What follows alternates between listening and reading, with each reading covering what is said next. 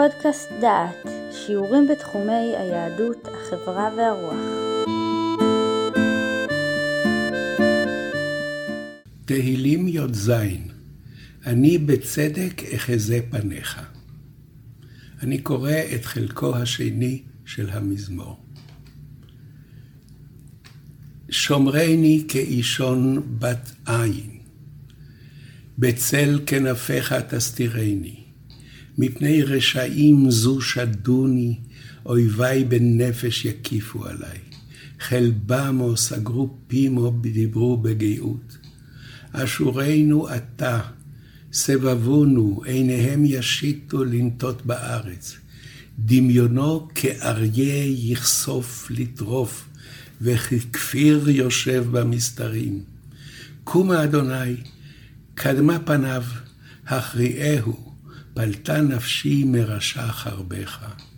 ממתים מידך, אדוני, ממתים מחלד, חלקם בחיים וצפונך תמלא, בטנם ישבעו בנים, והניחו יתרם לעולליהם. אני בצדק אחזה פניך, אשבעה והקיץ תמונתך. התמונה העולה מן המזמור היא תמונה של אדם המסיים את חייו. הוא רואה לנגד עיניו את הרשעים, הטורפים כאריה, והמשורר מבקש כי סופו יהיה שונה ממה שעלול לקרות לו מאלה. הוא מבקש כי מותו יגיע מיד השם ולא מיד האויב, וחלקו יהיה עם הצדיקים, המתים על משכבם ומותירים את רכושם לילדיהם.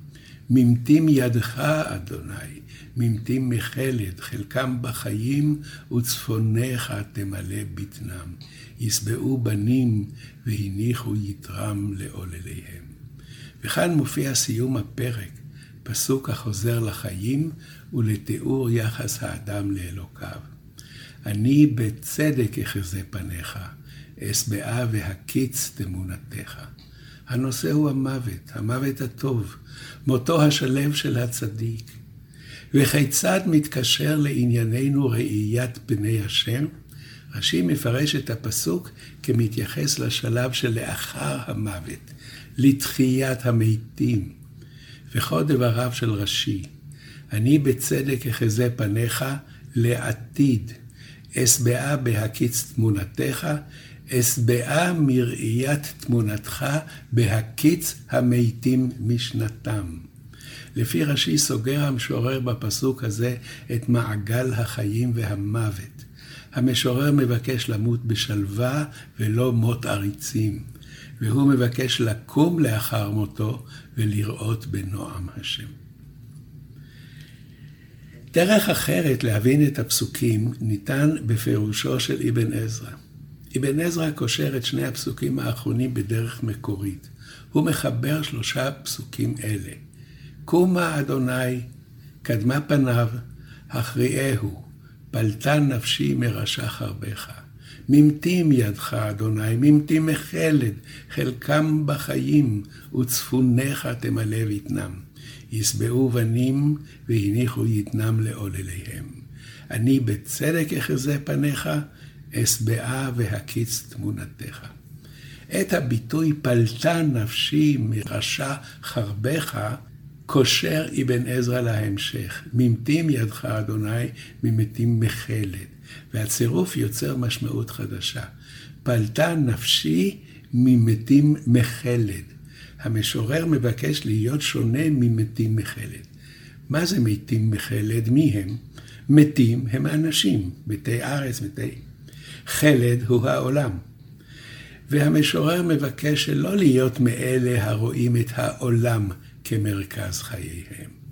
והמשך הפסוק ממשיך את קו המחשבה הזה, וצפונך תמלא בטנם, אלה הרוצים כי כל הטוב הצפון שיש לך, שימלאו בו את בטנם. ועכשיו מגיע פסוק הסיום, וגם כאן מפרש אותו אבן עזרא באופן מקורי. אני בצדק אחזה פניך, אשבעה והקיץ תמונתך. אין המשורר מדבר על החיים שאחר המוות, אלא על החיים במקביל לאלה הרואים את העולם והנאותיו כמרכז חייהם. הם רוצים כי צפוניך תמלא בטנם.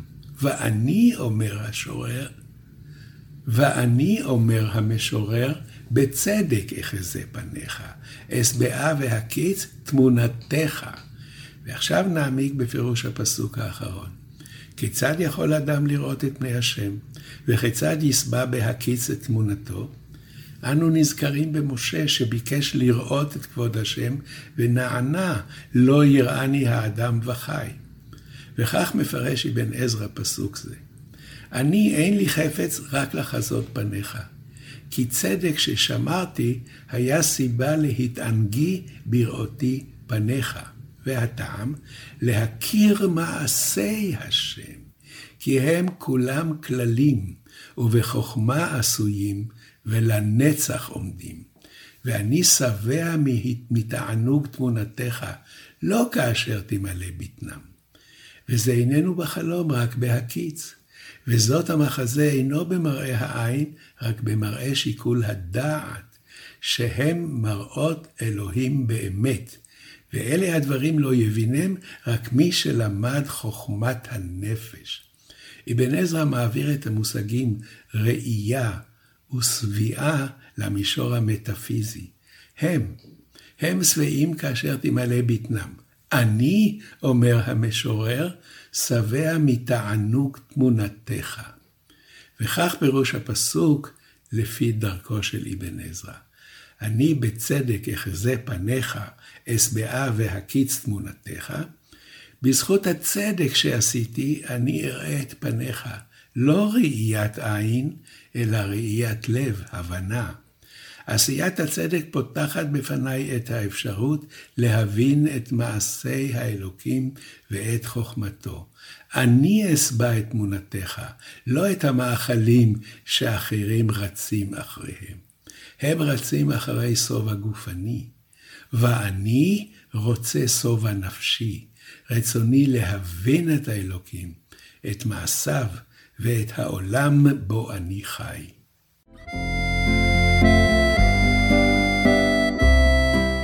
שמעתם שיעור מתוך הקורס עיונים במזמורי תהילים, מאת פרופסור יהודה אייזנברג ובהשתתפות דוקטור יהושע רוזנברג.